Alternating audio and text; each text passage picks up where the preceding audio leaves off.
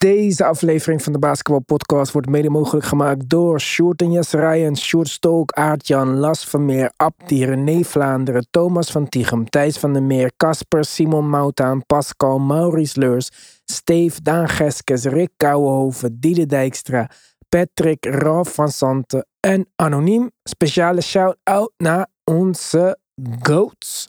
Robert Huiltjes, Yannick Tjongajong, Wesley Lenting, Robert Lutte, Jan van Binsbergen, Tarun en Yannick, Samet Kasic en Myron. We zijn natuurlijk op Apple Podcasts, op Spotify en overal waar je naar je favoriete podcast luistert. We zijn ook op Instagram, op Twitter, we zijn op TikTok deze dagen. Maar we zijn natuurlijk vooral ook te vinden op Petje Af, petjeaf.com slash de basketbalpodcast voor extra podcasts en toegang tot de groupchat. Support the movement, join the family.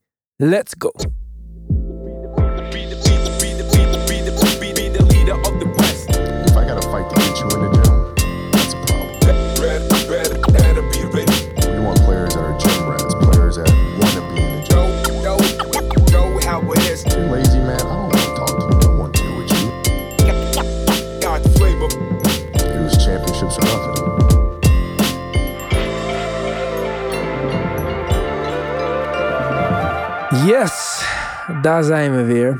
Wat een eh, mooi begin van het einde van het weekend, om het maar even zo te zeggen. Zeven uur wedstrijd, dat hebben we niet vaak hier in Nederland. Maar eh, ik denk dat wij, net zoals heel veel mensen in onze groupchat hebben zitten te genieten. Want het was niet zomaar een wedstrijd. Het was het weerzien tussen KD en Kyrie. En het bleef spannend tot de laatste minuten. Ja, wat wil je nog meer? Nou, jij misschien een win, Tim. Maar voor de rest denk ik dat ook jij moet hebben genoten van deze wedstrijd.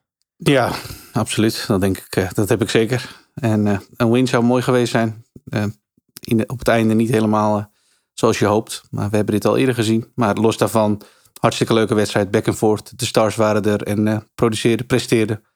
En, ja, een wedstrijd met veel takeaways. Maar erg leuk om te zien. Ja, een wedstrijd met veel takeaways. En ik had ook veel vragen van tevoren. De vorige wedstrijd die ik keek, was ik een beetje verrast door Kogi eigenlijk. Ik dacht van, oké, is dat jouw keuze op de small forward positie of power forward, net wat je KD wil noemen.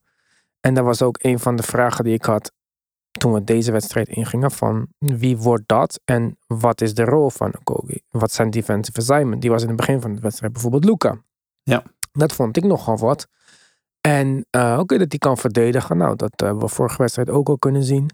En ik denk dat hij deze wedstrijd, ja, voor zover je het goed kan doen tegen Luca of zo, wel aardig deed.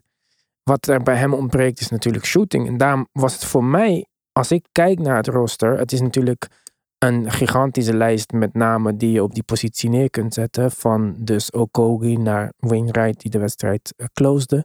Maar we hebben nog TJ Warren daar. We hebben de flamethrower in Terrence Ross. En ik dacht eerlijk gezegd dat die job een beetje Torrey Craig's was om te verliezen. Want als we praten over 3 en D, is hij toch wel de meeste D en de meeste 3. Want hij schiet 40% van 3 dit jaar. En ja, ik, ik was eerlijk gezegd verbaasd dat we niet meer speelminuten van hem zagen. Ik dacht misschien zien we hem in die closing line-up. Heel veel van die spelers hebben gespeeld. Zoals TJ Warren had uh, drie minuten of zo. Niet super succesvol. Terrence Ross heeft gespeeld. En hij, hij bedoel ik dan Monty Williams mee, closed de wedstrijd met Wainwright. Nou, die stelde hem niet teleur. Want die had, wat was het, 4 uit 5 driepunters? Ja. 80 procent. Ja. beter dan dat uh, krijg je het niet. Ik vind die man fantastisch trouwens. Ik ken, ken hem niet zo goed. Ik weet dat Towe speler was die nu een contract heeft gekregen voor twee jaar. Commentator zei het ook, toen hij het hoorde moest hij overgeven. Beste man ziet eruit als een stripfiguur held of zo. Ik, ik weet niet eens uh, waarom deze man basketbalt. Hij heeft ook volgens mij American voetbal gespeeld. Uh, het grootste gedeelte van zijn leven. Ja, zo ziet hij er ook uit, ja. Ja, maar het is meer dan dat. Het lijkt echt een superhero of zo. Hij lijkt ja. een beetje op de Punisher of zo. Hij kan, kan de Urban Punisher zijn. Maar uh, ja, verrassend voor mij. Misschien dat ze nog zoekende zijn naar uh, wie die positie, positie echt op de lange termijn gaat invullen. Ja. Ik, ik vond het in ieder geval interessant. Ja, dat was zeker een van de meest interessante punten vanuit Suns perspectief. Uh, ik denk dat het feit dat Wainwright nu close simpelweg kwam omdat hij zijn drie punten raak schoten. En dat was natuurlijk het voornaamste probleem van Okogie in die wedstrijd. Um, probeerde het met Terrence Ross, ging ook niet echt. Die werd ook meteen getarget. En Tory Craig, uh, in de beperkte minuten die hij kreeg, raakte simpelweg ook niet genoeg. En ik denk dat hij daar gewoon een beetje aan het proberen was. En Wainwright op het juiste moment inkwam. Want had de hele wedstrijd nog niet gespeeld toen hij erin kwam. Ja. Um, en begon meteen raak te schieten. Dat was een belangrijke run die de Suns maakten. En ik denk dat ja, Monty gewoon dacht, uh, right the hot hand, dus laat maar staan. En ja, dat, uh, dat deed hij goed. Het is natuurlijk ook echt een luxe. Maar ja, ik, ik, weet niet, ik vond het gewoon raar. Omdat Torrey Craig ook volgens mij een heel hoop wedstrijden heeft gestart dit jaar. Mm -hmm. En dus ook al is de sample size niet al te groot, maar career high aan trees uh, raak schiet. Dacht ik van ja, naast KD, naast Boeken, naar Chris Paul. Het is niet alsof je nog een balhandler nodig hebt of zo. Nee, ik denk het enige wat ook Okoji op, op Tory Craig voor heeft, is hij is wat atletischer. Maar wel, wat bewegelijker ook wel. Maar goed, dat is niet nodig, dat laatste. Dus dat zoeken ze niet. Ik denk dat het allebei aardige verdedigers zijn. Ja, misschien is het een beetje matchup dependent, maar... Ja, ja. Tory Craig misschien ook meer echt een wingverdediger. Waar Okogi misschien die atletische dingen wel heeft om bij guards te blijven. Ja, dat denk ik ook wel. Is Luca natuurlijk niet de snelste guard op planeet aarde, maar... Nee. en het is sowieso een onmogelijke matchup, denk ik. Het tweede wat ik van tevoren had opgeschreven, om, om de wedstrijd een beetje met een wat meer, uh, ja, met wat meer structuur te kijken eigenlijk, is hoe verdedigt Eten de switch met twee van deze dynamische guards. En daar heb ik niet echt een antwoord op, eerlijk gezegd. Ik vond Eten, behalve dat hij ja, aanvallend passief was, verdedigend ook een beetje passief. Ja. Ik vond dat hij eigenlijk helemaal niet uh, een stempel op de wedstrijd wist te drukken. Totdat hij die putback had uh, op het einde van het vierde kwart, die belangrijk was. Maar voor de rest had je eten net zo goed kunnen verwisselen met Biombo. En ik had waarschijnlijk het verschil niet gemerkt. Nee, klopt. Eten was uh, even met Chris Paul het voorbeeld van de starters die ja, te weinig voorkwamen. In het begin zochten ze eten heel erg. De eerste paar posities in de wedstrijd was duidelijk te zien. Ehm, ja, uiteindelijk finished hij met 4 op 6 van, van het veld. Maar werd verder veel, veel te weinig gebruikt. En uh, de kritiek op Eten is vaker geweest dat hij zich te passief opstelt of te, te, passief oogt. En dat was deze wedstrijd ook wel weer een voorbeeld van. Je kan zeggen, ja, misschien wordt hij niet te vaak gezocht of uh, worden er niet vaak genoeg plays gekald waarin hij, uh, waarbij hij betrokken wordt of waar hij, waarin hij kan finishen. Maar aan de andere kant, ja, Eten is ook gewoon, stelt zich te snel te bescheiden op. Lijkt het wel op aanvallend vlak in ieder geval. Hij reboundde best aardig, maar verder was hij ja, te onzichtbaar. Ja, maar wat moet je doen? Te bescheiden opstellen als je speelt met Devin Booker, Chris Paul en Kevin Durant. Het is ook niet echt het makkelijkste op de wereld om dan te zeggen van... hey guys, now it's my turn of zo. Nee, klopt. Absoluut niet. En wat jij zei qua gezocht worden en zo. Er was ook een keer dat hij een mismatch had op Tim Hardaway volgens mij. Chris Paul had de bal, kon de paas niet maken, gaf hem aan Devin Booker. En toen Devin Booker het eenmaal doorkreeg, had de verdediging van de Mavs ook door. En kwam er iemand voor de steal uh, tussen die paas.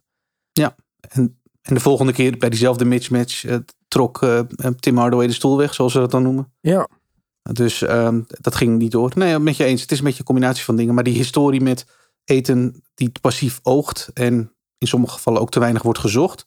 Die is er al langer bij de Suns. En in dit soort wedstrijden misschien, misschien nu helemaal met KD. Dat gaan we meemaken de komende tijd. Ja, is het, wordt het voor eten ook gewoon een, een wat ja, nog meer ondergeschikte rol. En uh, ja, pak je rebounds, want dat deed hij wel goed. En dat was ook wel belangrijk. Maar meer dan dat ja, zul, je, zul je op puntenvlak niet veel meer van, van eten gaan zien. Ja, kijk, het is ook misschien een luxe om zoveel talent op één rooster te hebben. En met de andere spelers in zijn team is er van hem misschien, wordt, is het niet noodzakelijk dat hij zich op sommige gebieden ja, ja, agressiever opstelt? Of ja, in ieder geval minder passief, want agressief hoeft ook weer niet per se. Maar ja, ik weet niet, ik vond het toch. Uh... Tegen de Mavericks zou ik het absoluut wel doen. En daarom was het misschien het, het, voorbeeld vandaag wel relevant, waar het niet altijd zo is. Maar ik zou tegen een team als de Mavericks, als ik het even vanuit Suns kant bekijk. Uh, Mavericks zijn dramatisch, dit hele seizoen dramatisch als het gaat op, uh, in de paint verdedigen. Krijgen erg veel punten in de paint tegen. Dus uh, Eten zal al gauw mismatches hebben en al gauw kunnen domineren als dat een, uh, een keuze is vanuit de Suns. Nu, snap ik wel dat die keuze niet voor de hand ligt met het talent wat ze, wat ze op de perimeter hebben staan. Maar ik denk dat tegen de Mavs het zeker wel een interessante, laten we zeggen, interessante suggestie is om eens een keer te proberen stretches in de wedstrijd. Omdat ja, de paintverdediging, paint defense van de Mavericks ja, een van de mindere in de hele NBA is. Dus daar had, op, op papier heeft hij daar kansen, zeg maar. Ja, ik vond het sowieso gek om de Mavs aan het werk te zien. Ik ben niet een super voorstander van deze filosofie van basketbal. Maar dat, ja, dat was ik ook niet aan het begin met de niks. Toen dacht ik ook, dit gaat never werken. Met twee mensen die graag de bal willen en willen scoren. En voor de rest niet echt een super systeem eromheen. En kijk waar we nu zijn. Dus dan moet het met Kyrie en Luca misschien helemaal lukken. Bullock, die uh, vooral in onze groupchat uh, nog regelmatig kritiek kreeg, schiet de laatste tijd volgens mij ook aardig. Lijkt toch een beetje die plek wel te hebben toegeëigend sinds het vertrek van Dorian Finney-Smith. Alleen, ja, het, het, was dat ze zo lang voorstonden en dat ze zo lang in de wedstrijd bleven. Anders had ik echt gezegd van dit wordt hem helemaal niet. Nu, ja, was ik ook een tikkeltje verbaasd. Ze schoten natuurlijk wel extreem goed van de lijn en uh, beter van drie dan de tegenstander. Als je ziet dat Kevin Durant volgens mij meer drie punten had dan de rest van het team bij elkaar. Maar ja, ik, uh, ik vind het een moeilijke situatie bij Dallas. Uh, ik heb weinig vertrouwen in Kit. Je derde beste speler komt van de bank. Ik, uh, ik, ik vond het lastig om naar te kijken, Dallas. En dan hebben we het nog niet eens gehad over hoe Luca zich gedraagt tijdens, uh, tegen de scheidsrechters. En op het laatste ook het opstootje met Devin Booker. Wat hij volgens mij initieerde. En waar, daarvoor maakte hij de fout op Kevin Durant anderhalve seconde later. Omdat hij aan het klagen was over de fout die hij niet zou hebben gekregen. Dus. Uh, ja. Ja, Luca was weer bezig. Dat, uh, ja, maar weer bezig. Het moet ook een keertje ophouden. En we hebben nu uh, een aantal sterren, jonge sterren in deze league, die op verschillende manieren gedrag vertonen waarvan je denkt van hé, hey, wordt eens volwassen. Of het nou gaat om uh, pistolen trekken of zeiken tegen de scheidsrechters. En bij al die teams ontbreken denk ik dezelfde factoren, of tenminste de belangrijkste factor. En dat is een veteran presence. Ja, uh, eens. Dat kan ik niet ontkennen. Ik denk dat dat inderdaad wel een, een gemene deler is in de twee voorbeelden die je aanhaalt. Ja. Dan vertel mij, Tim, want ik mis het misschien echt helemaal. Hè? Mm -hmm. Waarom is Goran Dragic niet op de Dallas Mavericks? Waarom moet hij eerst naar Chicago? Waarom moet hij daarna naar de Bucks? Terwijl dat lijntje tussen hem en Luca zo kort is. Ik weet het echt niet. Ik had weer stiekem hoop dat uh, nu Dragic beschikbaar kwam, dat hij alsnog door Dallas uh, binnengehaald zou worden. En anders waren we met z'n allen over eens, dan zou het toch wel Miami worden. Nope, allebei niet. En de Bucks die slaan toe. Ik weet het niet. Ik denk dat op dit punt Dragic misschien voor de grootste titelkans kiest. Vanuit zijn eigen, uh, vanuit zijn eigen perspectief gezien. Um, ja, maar van de zomer was dat niet zo. Toen wou die volgens nee, van, mij ook wel naar Dallas. Zomer, ja, van de zomer is het bekend. Ja, van de zomer hebben ze tegen, was Chicago gewoon, die beloofde er meer.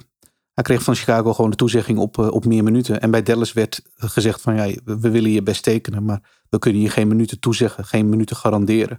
En hij zei, ja, ik ga geen, uh, ik ga geen laten we zeggen, Facundo Campasso zijn op de bank die misschien in blowouts en garbage, garbage minutes mag spelen. Dus dat was zijn afweging toen. Nou. Dus Chicago durfde wel te liegen en Dallas niet. Ja, exact. Ja, en in, in Chicago heeft hij in het begin ook wel minuten gehad. Maar dat werd minder en minder tot hij... Nou ja, en na die Pat Bev trade was het helemaal klaar. Ja. ja, ik denk dat zo iemand... Ik denk zo, als ik, de, als ik Dallas was, als ik Mark Cuban was, dan uh, zou ik zeggen, haal er iets hier. Zorg dat Kokoskov hier op de bank uh, naast Kit komt zitten. En laten we een beetje alles eraan doen om Luca in een zo professioneel mogelijke mode te krijgen, zeg maar. Ik, ik snap dat, je, dat dat een beetje de, de aanvliegroute is. Ik weet niet of hij per se onprofessioneel is. Hij heeft trekjes die zijn niet fijn. Um, en die komen inmiddels ook wel op het niveau. Nou, het was misschien al eerder zo. Maar het is erger geweest. Dat het zijn team ook uh, echt benadeelt. En dat, vooral dat vind ik, dat, dan wordt het wel een heel kwalijk verhaal. Uh, als je jezelf zo uit de wedstrijd speelt ook. Nou, dat die neiging heeft hij niet per se. Hij, het is meer voor hem een soort manier om te functioneren. Maar ik denk één, dat je de scheidsrechters nooit voor je gaat winnen op deze manier. Er komt een moment dat de scheidsrechters dat tegen je gaan gebruiken in de NBA. Dat is bekend. Behalve die ene chick. Ja. Die heeft hij wel voor zich gewonnen volgens mij. Ja. Ja. ja, nee, maar goed. Ik denk dat de meeste scheidsrechters al iedere keer als ze de Mavs moeten fluiten weten dat het een hele lange avond wordt. Waarin je vooral heel veel moet praten. En dat is dat op een gegeven moment staat ze dat tegen. Dus ik, ik zie nooit voordeel vanuit daar ontstaan. Um, ondanks dat hij her en der wel kritiek krijgt dat hij uh, calls meekrijgt. Waarvan met name fans van de andere kant of neutrale fans denken: nou, nou, nou, Doncic krijgt wel erg uh, makkelijke calls mee her en der. Er is inderdaad ook momenteel geen veterans. Er zijn wel veterans daar. En, en Dwight Powell mag je inmiddels een veteran noemen. Ja, maar dat, Maar- er zijn niet veterans die iets kunnen zeggen tegen Luka Doncic. Exact. Hij, er zijn geen veterans die, een, een, die opstaan tegen Luca en zeggen van luister, het moet echt even anders. En je zou verwachten dat, dat het op de bank, bijvoorbeeld vanaf een kid of eh, Jared Dudley, die er ook wel altijd wel mondig is vanaf de bank, eh, zou, zou gebeuren. Maar dat lijkt ook wel mee te vallen. Kid eh, heeft af en toe kritiek, ook openbaar op hem. Ja. Dat was eigenlijk vanaf moment één zo. En ja, je ziet meestal een korte termijn reactie van hem. Hij vervalt altijd weer in die, in die trekjes. Het kostte hem wat mij betreft dit keer niet de wedstrijd. Hij miste gewoon een, ja, een, een bal die hij gewoon had moeten raken. Dat, ja, maar dat, het is niet alleen dat. Hè. Kijk, nu praten we over het laatste moment. ja. Maar het was ook de reactie na die bal. Het was die hele aanloop daar naartoe. Het waren alle three-pointers, step back, step naar de zijkant, die niet per se nodig waren. En ehm, kijk, die schoten mag die nemen, hij is een superster. En de commentator zei iets interessants over Kevin Durant, daar kom ik zo op. En dat is iets waar Luca ook niet echt, naar mijn mening, aan voldoet. En dat is een sterspeler zijn die ook de leider is van het team. Je hebt een aantal sterspelers, zoals Michael Jordan, Kobe Bryant, eh, noem ik de echte classics op natuurlijk. Maar ehm, zelfs Tim Duncan, Tony Parker, de beste speler op het team die ook gelijk de leider is van het team. En die spelers kunnen een toon zetten door heel hard te verdedigen, door efficiënt aan te vallen, door keihard te trainen. Zo laten ze de rest van hun teamgenoten zien van kijk, als ik het doe, dan moet jij het ook doen. En Luca is de sterspeler van het team. Maar het voorbeeld wat hij zet voor de rest van het team, dat, dat moeten ze zeker niet gaan overnemen. En als je tweede beste speler Kyrie is, dan heb je wel twee questionable leaders, vind ik. En nu zei de commentator, eh, die refereerde naar een gesprek van Monty Williams met KD, dat hij tegen KD had gezegd, Monty Williams, eh, je hoeft niet de leader te zijn op dit team, ga gewoon lekker hoepen. En toen dacht ik, nou, misschien is KD gewoon die superstar die dus geen leader is. Want in OKC durft hij niet tegen ras in te gaan en durft hij niet aan te geven aan de organisatie van ik vind deze richting niet fijn. Ging hij naar de Warriors. Was hij super gelukkig om in een systeem te spelen waar hij gewoon zijn ding kon doen zonder dat hij verder echt hoefde te coachen of verantwoordelijkheid hoefde te nemen. Totdat hij ruzie kreeg met de speler en niet voor zichzelf durfde op te komen. En dacht nee, ik ben beter af als ik met die andere pure hoper bij een nieuw team ga spelen waar hij uiteindelijk weer weg moest omdat hij weer niet de leiding kon nemen in de kleedkamer, maar ook niet over zijn verdwaalde teamgenoot. ja. Kevin Durant is absoluut een, een voorbeeld van een, ja, een van de betere spelers in de NBA die niet per se een teamleader is. Dat, dat, dat ben ik met je eens. En Ehm, Luca misschien ja. ook. En, en Kyrie en Luca zijn misschien op dat vlak Andere manier, want KD is dan een soort van, ja, ik weet niet, ik weet niet wat het met KD is. Durft hij niet voor zichzelf op te komen? Of moet hij burners? Moet het via, altijd via iets anders gaan? Of, maar met Luca en Kyrie is het niet per se dat. Maar die zijn gewoon niet ja, de voorbeelden van professionaliteit. Ja, en heb je het over het klagen, neem ik aan. Ja, bij Luca klagen en bij Kyrie de bekende eh. Ja, met Kyrie bekend. Ja, want Luca is wel mondig, ook richting teamgenoten. En je zag vandaag ook weer momenten in. Ja, maar wat ga je zeggen, vriend? Je kan praten tegen mij wat je wilt. Dit is het eerste jaar dat je fit bent gekomen in het team. En nu ben je weer niet echt super fit. Want Lucas Nee, is ik fit heb niet het idee dat hij genegeerd wordt door zijn teamgenoten als hij ze aanspreekt of zo. Dus ik denk dat hij wel, hij wordt ja, wel gehoord. aanspreken, maar het is lead by example ook. Hè? Dat, dat, deel, dat deel ben ik met je eens. Dat, dat deel ehm, is misschien niet altijd. Ik bedoel, dat, dat, dat praten en dat klagen, dat, ja, dat zet geen fantastisch voorbeeld. Maar ehm, ja, als de teamgenoten hem nemen zoals hij is, met zijn, met zijn, nou ja, met zijn voor- en zijn nadelen, want eh, die heeft hij ook. Ja, dan heb ik heb niet het idee dat hij ja, op een bepaalde manier genegeerd of, of dat ze zoiets hebben van. eh, Ja, maar ik heb het niet over Laat gaan. Ik heb het niet over negeren. Ik heb het over een gemis aan iemand die duidelijke lijnen uitzet. Kid doet dat duidelijk niet. Hè? Begon het seizoen zonder, eh hoe die people nou, Wood in de starting line-up. Zet hem daar in de starting line-up, haalt hem er weer uit. Het lijkt niet echt een duidelijke... Ja, misschien is het juist wel extreem duidelijk wat hij wil. Maar lijkt zich niet echt aan te kunnen passen naar de omstandigheden. Mhm. Nou ja, dan Luca die op zijn manier, ja, je kan ervan vinden wat je vindt. Ik vind het een irritante speler om naar te kijken. Ik begin nog steeds irritant te vinden met zijn gezeur tegen de scheidsrechters. Het is uitzonderlijk talent natuurlijk. Maar eh, ik, ik hoop dat hij snel wat meer volwassenheid laat zien. ik, ik, ik denk gewoon dat het bij, ja, bij Dallas echt ontbreekt aan een wat misschien logischer opgebouwd team en wat meer veteran presence.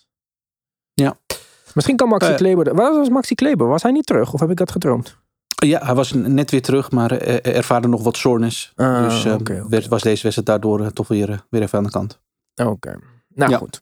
Eh, nog één positief ding dan, om dit, eh, deze wedstrijd een beetje af te sluiten. Ik keek natuurlijk naar de Suns met extra grote ogen, want ja, dit is misschien wel een van de teams die we verwachten dat, waarvan ze ver in de playoffs komen. Tenminste, ik in ieder geval. Ik weet niet hoe het bij de rest zit. Ik lag in de groupchat dat sommige mensen dachten dat ze sowieso niet verder kwamen dan de conference finals. Ik denk dat de limit van dit team een beetje is ja, op mentaal gebied. We hebben vorig jaar toch wel een soort van mini breakdown gezien tegen de nou, Mavericks ook nog. Ja. Maar als je het op basketbalgebied bekijkt, denk ik dat het heel mooi in elkaar zit. Wat ik zag, die starting line-up, die vier spelers, Aiton, KD, Booker, CP3, je kan het bijna niet mooier verzinnen.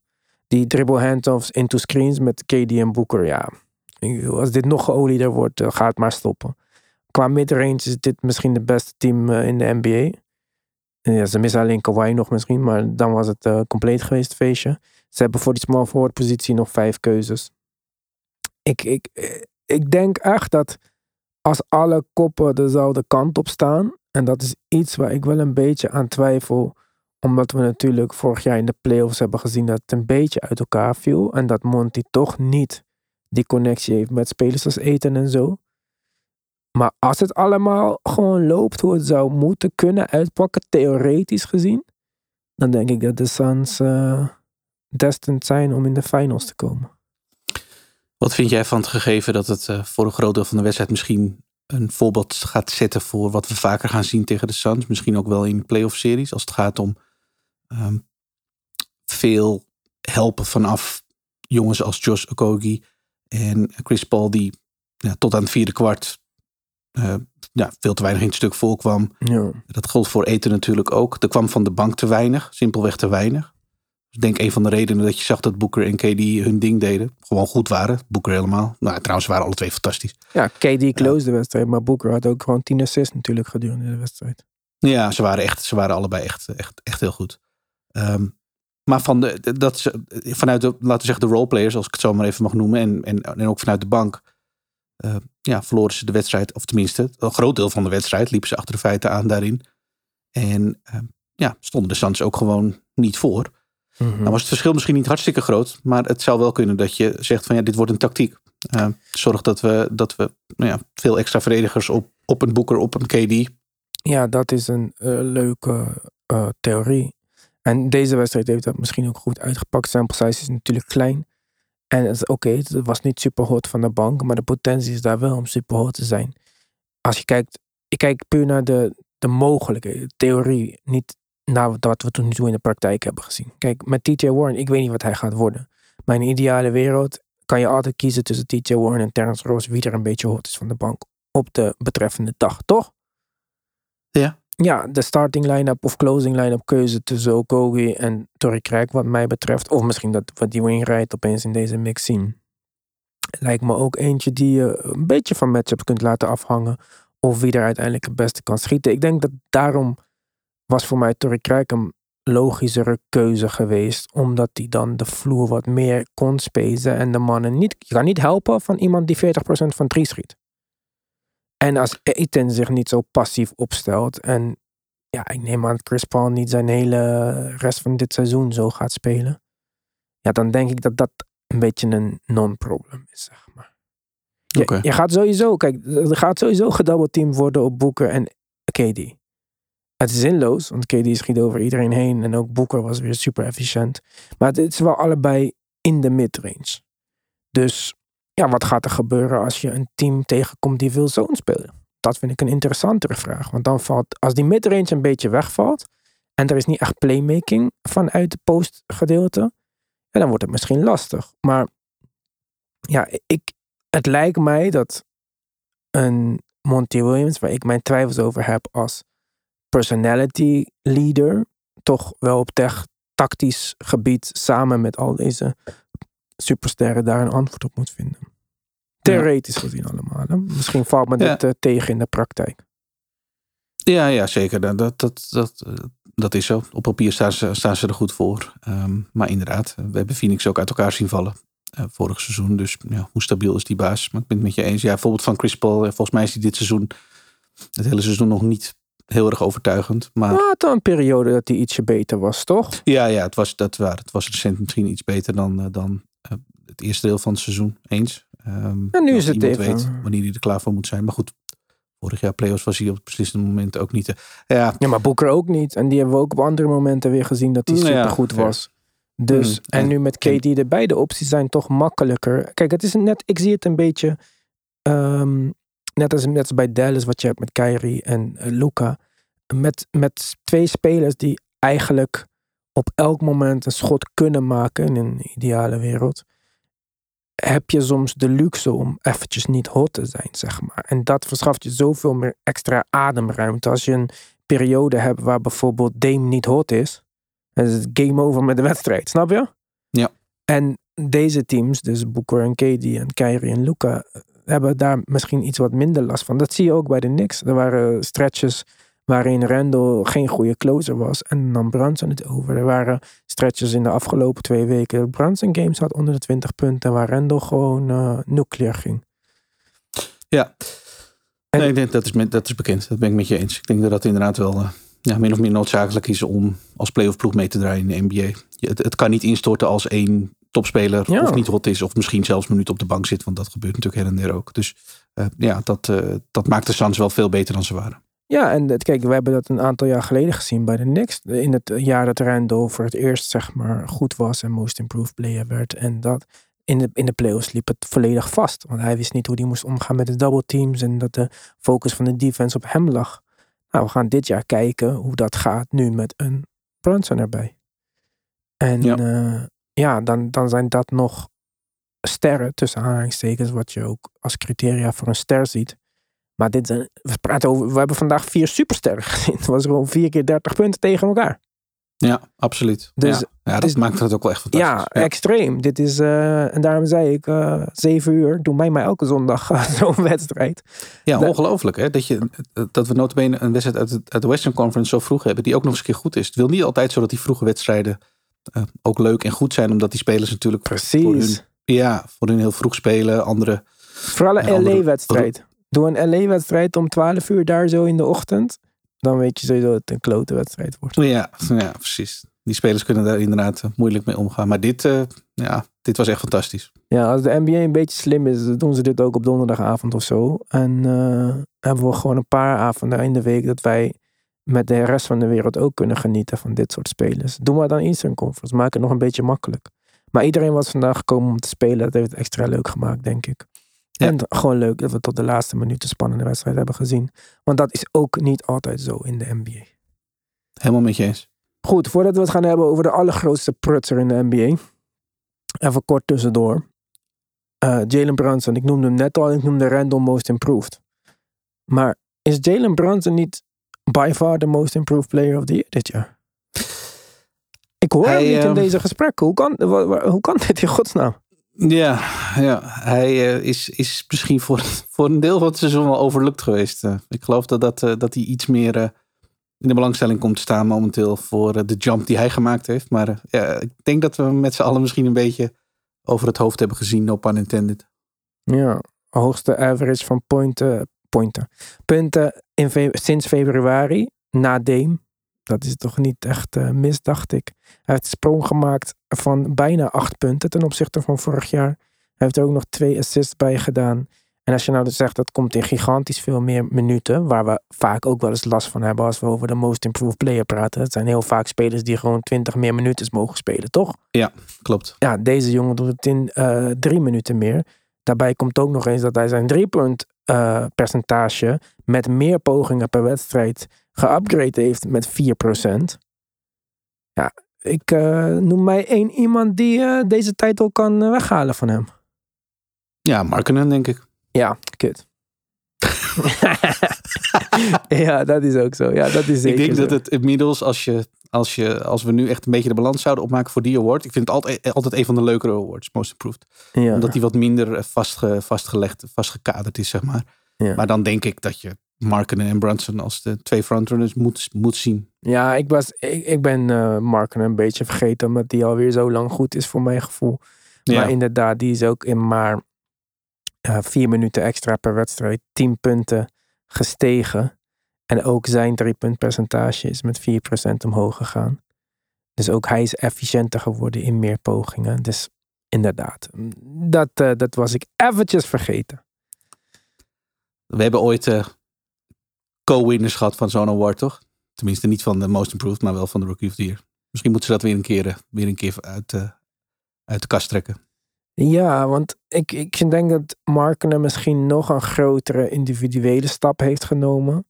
Maar Branson heeft het ook genomen op het gebied van het omdraaien van een franchise bijna. Want de Knicks zijn van vorig jaar lachertje met bijna hetzelfde team naar dit jaar. Ja. Bijna gewoon uh, gaan we ze zien zo meteen als uh, conference finals contenders. Als het nog uh, even langer Ja, ja, ja zeker. Dat, dat, dat denk ik wel. Pleit wel voor Brunson's case. Hij heeft hetzelfde gedaan als Markenen als het gaat om een grote stap nemen.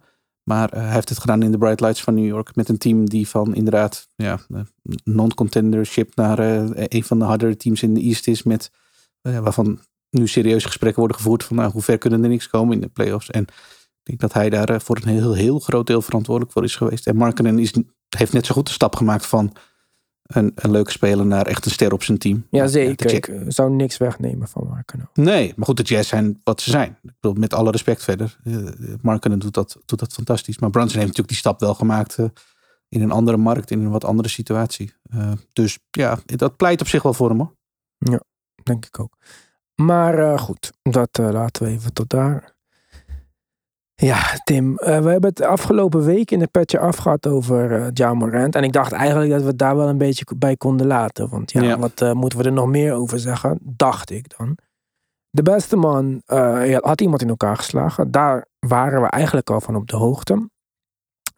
Ik vind het eigenlijk al gek als we dat bekijken. Dat hij daarna nog gewoon ja, die deal met Nike heeft kunnen krijgen. Nike heeft hem ook echt gevierd als de vervanger van Kyrie. Ja, ze hebben een hele speciale doos naar hem gebracht met een uh, diamanten ketting erin met zijn nieuwe Nike logo, nieuwe schoenen.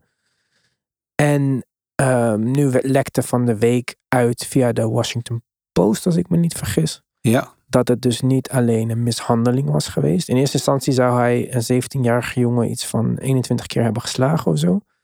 En nu kwam er ook nog bij kijken dat hij hem zou hebben bedreigd met een pistool. Dat was nieuwe informatie. Nou goed, dat is al uh, vervelend op zich natuurlijk. De Grizzlies hebben hun. Uh, ja, hebben daar uh, actie ondernomen. Hebben hem twee wedstrijden alvast geschorst, voorlopig. En als je dacht dat dat dan genoeg reden was om je vanaf nu zo voorbeeldig mogelijk te gedragen. Gaat de beste man live op IG met 1 miljoen volgers. En laat even een pistool zien in beeld. Toen ik dit zag, Tim, dacht ik dat het een grap was. Of dat het een oude screen grab was die we nu opeens weer erin gooiden of zo. Dat is voor mij een beetje alsof R. Kelly na alle aantijgingen een video van zichzelf maken waarin hij stond te pissen. Dit is toch bizar.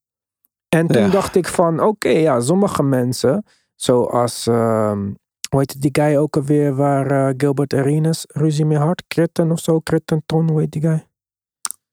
Oh, ik dacht dat je Gilbert Arenas zelf ging zeggen. Nee, want Gilbert Arenas had ruzie met, ja. die had een, een pistool meegenomen. Ja. Maar de persoon waar die ruzie mee had, die was een echte talk, talk, talk live. Ja. Dit moet ik even. Crittenton. Crittenton. Goed, anyway. Dat was dus een echte talk. Die kwam bij de hoed. Die kon het niet laten. En uiteindelijk heeft hij ook niet zoveel van de rest van zijn carrière gemaakt. Ik dacht, misschien is Ja ook zo'n guy. Die gewoon de buurt niet achter kan laten. Hè? Ze zeggen wel eens, je kan hem van de straat halen, maar je kan de straat niet uit hem halen. Dus ik ben even in het leven van Ja Morant gedoken. Nou, behalve dat hij gewoon uit een uh, two-parent household komt. Opgegroeid met zijn vader en zijn moeder. Komt hij ook nog, zelfs naar eigen zeggen, uit een super rustig dorpje. Waar de crime rate lager is dan in de gemiddelde van rustige dorpjes in Amerika. Hij is naar een private school geweest. Wat is dit in godsnaam voor wannabe talk en hoe snel wil jij je hele carrière torpederen naar een niet bestaand niveau? Ja, hij speelt momenteel met zijn carrière. En dat heeft hij in hele korte tijd gedaan. En waar ik iedere keer dacht dat het incidentjes betroffen en dat hij altijd nog wel op zijn voetstuk stond, is hij daar inmiddels wel echt vanaf gedonderd. En heeft hij, uh, ja, hij speelt momenteel met vuur wat mij betreft. Ik denk dat het nu uh, uh, rustig gaat worden, want ja, het is nu even stil. Ik denk de NBA doet onderzoek. Daar zal, denk ik, wel een schorsing uit voortkomen. Hij is in ieder geval nu twee wedstrijden op non-actief gesteld. Of nou ja, zelf gezegd dat hij uh, van het team afstapt, zeg maar. Dat hij even aan de kant, uh, aan de kant gaat. Lijkt me ook uh, hele slechte timing. Maar goed, ik denk dat dit ja. natuurlijk nooit op, nooit op een goed moment komt. Dit, ik weet niet, ik, ik zag voor de eerste keer dat, dat filmpje waar je nu aan refereert vanuit van, van die IG Live. zag ik een screenshot van. Ja. Waar, waar dat pistool inderdaad op ja, zichtbaar was. En toen dacht ik, oh, hij heeft een foto gepost. Oh, hoe krijg je dit voor elkaar? En later zag ik het filmpje. Nou, toen wist ik helemaal niet wat ik moest denken. Ik denk, ongelooflijk. Ja ja, hoe, krijg je dit voor elkaar? Wat denk je? Wat gaat er door je? Ja. En dan werd er zaterdag, waarop dit uh, naar buiten kwam, helemaal dramatisch voor de Grizzlies. Uh, omdat ze met nog twee andere dingen te dealen kregen vanuit het team. Dan denk ik, ja, dat je op zo'n kritiek moment van het seizoen nu. En je had het net over leiderschap. Ja. Je leider zo van een voetstuk ziet donderen, voor zover hij dat was. Dit was wel een van de up-and-coming rising stars in de NBA. Door velen geliefd en graag gezien um, ja, heeft nu het denk ik echt heel erg moeilijk. En ja, ik, ik hoop echt dat dit een turning point gaat zijn voor hem. Als dat het niet blijkt te zijn, dan is er denk ik nog weinig marge en weinig credit meer over.